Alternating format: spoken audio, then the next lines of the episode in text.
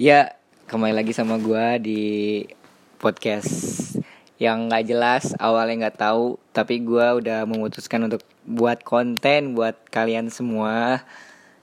Ya, gua di sini mendatangkan bintang tamu. Jadi ini tentang keresahan pelajar di masa COVID-19. Jadi pelajar ini dia resah karena apa? Selain dia tidak dapat uang pemasukan, dia tidak dapat bertemu dengan doinya mungkin di sekolah ataupun dia tidak bisa main dengan teman-temannya. Jadi jadi kita jadi kita bakal terus dengar apa sih yang terjadi pada saat ini tentang COVID-19 buat pelajar khususnya di Kota Kerawang. Jadi gua kenalin dulu sama Lia. Ini gua datang bintang tamu nih. Kenalin dulu bintang tamunya. Halo guys, gua gua Afif Sabri Hidayat, temennya Patin, temen kuliahnya juga.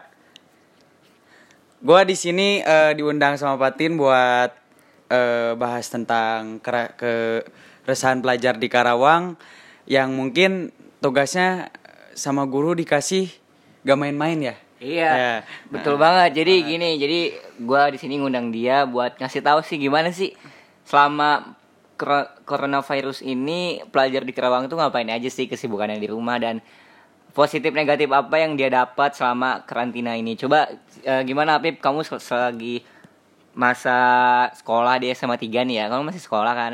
Ya. Itu jelasin gimana sih selama masa selama masa karantina ini kamu kok bisa bisa di rumah itu ngapain aja selain ngerjain tugas? Coba jelasin. Ya, temen gua ada yang sekolahnya di SMA 3, selama di rumah dia tuh kayak ya ngerjain tugas yang diberikan oleh guru lewat online, contohnya kayak tugas dari WA, dari Telegram, dan satu lagi aplikasi yang baru namanya Google Classroom. Nah, Google Classroom itu kita tahu sendiri, guru-guru itu sering ngasih tugas di sana dan eh, sekalinya ngasih tugas itu gak main-main men. Oh iya, gimana Iya. tuh? Bisa jelasin. bisa jelasin kadang dalam sehari nih ya. eh, dalam dalam sehari itu mereka bisa ngasih dua atau tiga tugas yang mungkin kelas online yang mereka ganti dengan hari libur yang biasanya dikerjakan di sekolah ya men. Eh, terus juga eh, tiap sekolah kan beda-beda ya men ya. Iya. Kadang eh, ada SMA eh, 5, ada SMA 3, ada SMA 1, mungkin beda-beda tugasnya. Nah, kemarin itu baru men gua denger SMA 5 ya men. SMA 5 itu dia mereka menyuarakan katanya eh eh, tugas yang diberikan oleh guru kan ini terlalu berat ya bagi siswa-siswanya. Iya, betul betul. Mungkin kan teman-teman gua nih yang di Semandi, mereka kan angkatan-angkatan ya masuk keluar BP lah ya. Iya, gokil. Terus, terus. Tapi ya gitu keren lah men mereka mau menyuara menyuarakan ya kan. Terus mereka menyuarakan kan, mereka bikin snap lewat snapgram, mereka Iya. bikin kayak pernyataan di situ. Terus eh, isinya itu eh, eh, tolong eh, tugas ini, tugas sekolah ini lebih dipermudah lagi gitu, lebih diringankan kembali gitu. Iya. Jadi eh, si guru ini dia ngasih hal positif, Iya. ngasih jawaban positif ke si siswa-siswa di SMA 5 men. Iya. Mm-mm. Tapi menurut gue gini sih, men. Gimana men? Guru tuh licik. Liciknya kenapa? Kenapa tuh? Lu sebagai murid atau sebagai pelajar gitu ya, lu dapat tugas dari guru-guru Iya, nih ya. men.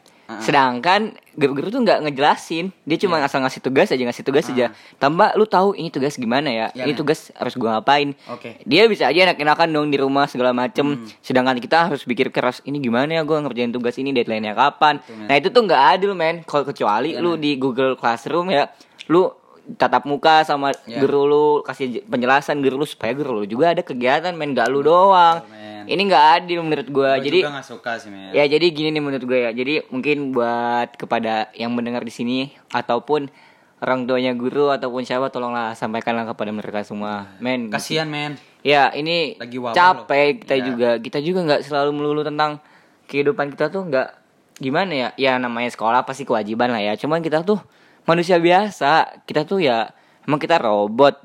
Ya jadi gimana ya. Jadi gue sebagai yang udah lewat masa belajar di SMA gue kayak ya memang sih berat banget masa-masa SMA tuh dibanding kuliah karena kalau kuliah tuh itu tanggung jawab kita masing-masing kalau kita nggak ngerjain deadline nggak ngerjain tugas ya itu nilai kita jelek jelek tapi kalau SMA kan itu tanggung jawabnya dia di chat sama gurunya kadang Iya, orang tua kita tahu nah itu kan lebih bahaya jadi kayak Iya.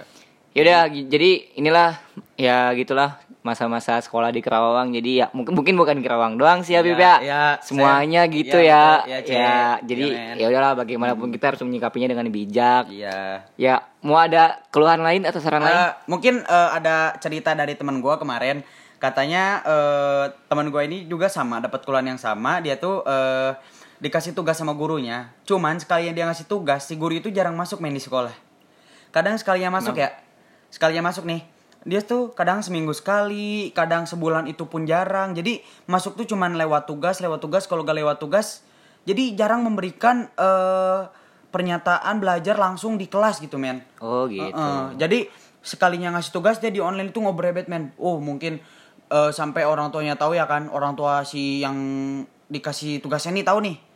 Dia sampai ngomong gini, eh loh kok guru kayak gitu banget sih ya? Padahal eh, SPP udah bayar nih kan? SPP kita udah bayar gitu 200 per bulan. Nah sekarang di tengah pandemi wabah corona ini eh, apakah mungkin SPP siswa ganti-ganti dengan kuota gratis aja? Ya nggak sih men?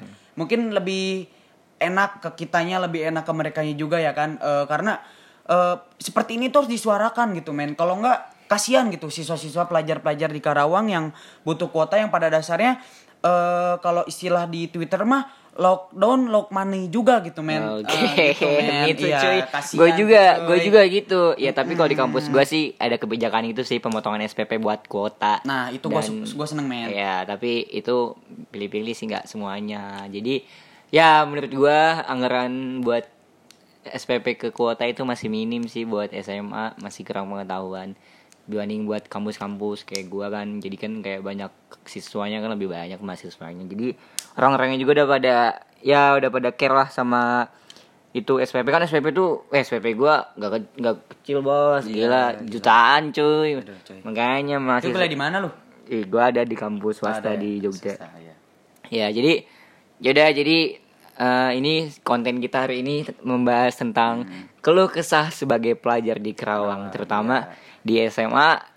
Eh, negeri eh, Ci itu guys. sebelumnya gue mau minta maaf atau eh, mohon maaf bila ada perkataan gue yang gak ngena di hati lu pada. Eh, mudah-mudahan lu bisa menerima suara ini agar kita sebagai pelajar Karawang tidak terinjak-injak kembali, agar kita eh, sebagai pelajar Karawang bisa bisa semakin berpikir etnis ke depannya agar eh, guru-guru di Karawang pun mengerti apa yang kita rasakan selama ini ya men. Yoi, oke men, thank you men buat datang ke sini men. lu Ya, udah jauh-jauh bro, gila, ya. udah jauh-jauh datang dari mana? Gue dari Bandung men. Oh, Eh, iya. gimana sih lu sekolah di sini? Karena gua di tengah liburan begini gue nggak suka di Karawang men. Oh gitu, wih parah banget lu, anjing gua Eh, bilangin seorang Kerawang mungkin lu. cuaca ya, cuaca kan emang bikin bagus sih buat katanya buat corona karena terlalu panas ya men. Oh gitu. Tapi gua di Bandung lebih cari keputihnya men. Oh Eh, gitu. iya. Ah, Lu keputihan jangan-jangan ya? Gua pengen putih, men, Oh, iya. lu putih apa keputihan? Eh, enggak men, gue laki. Oh, lagi.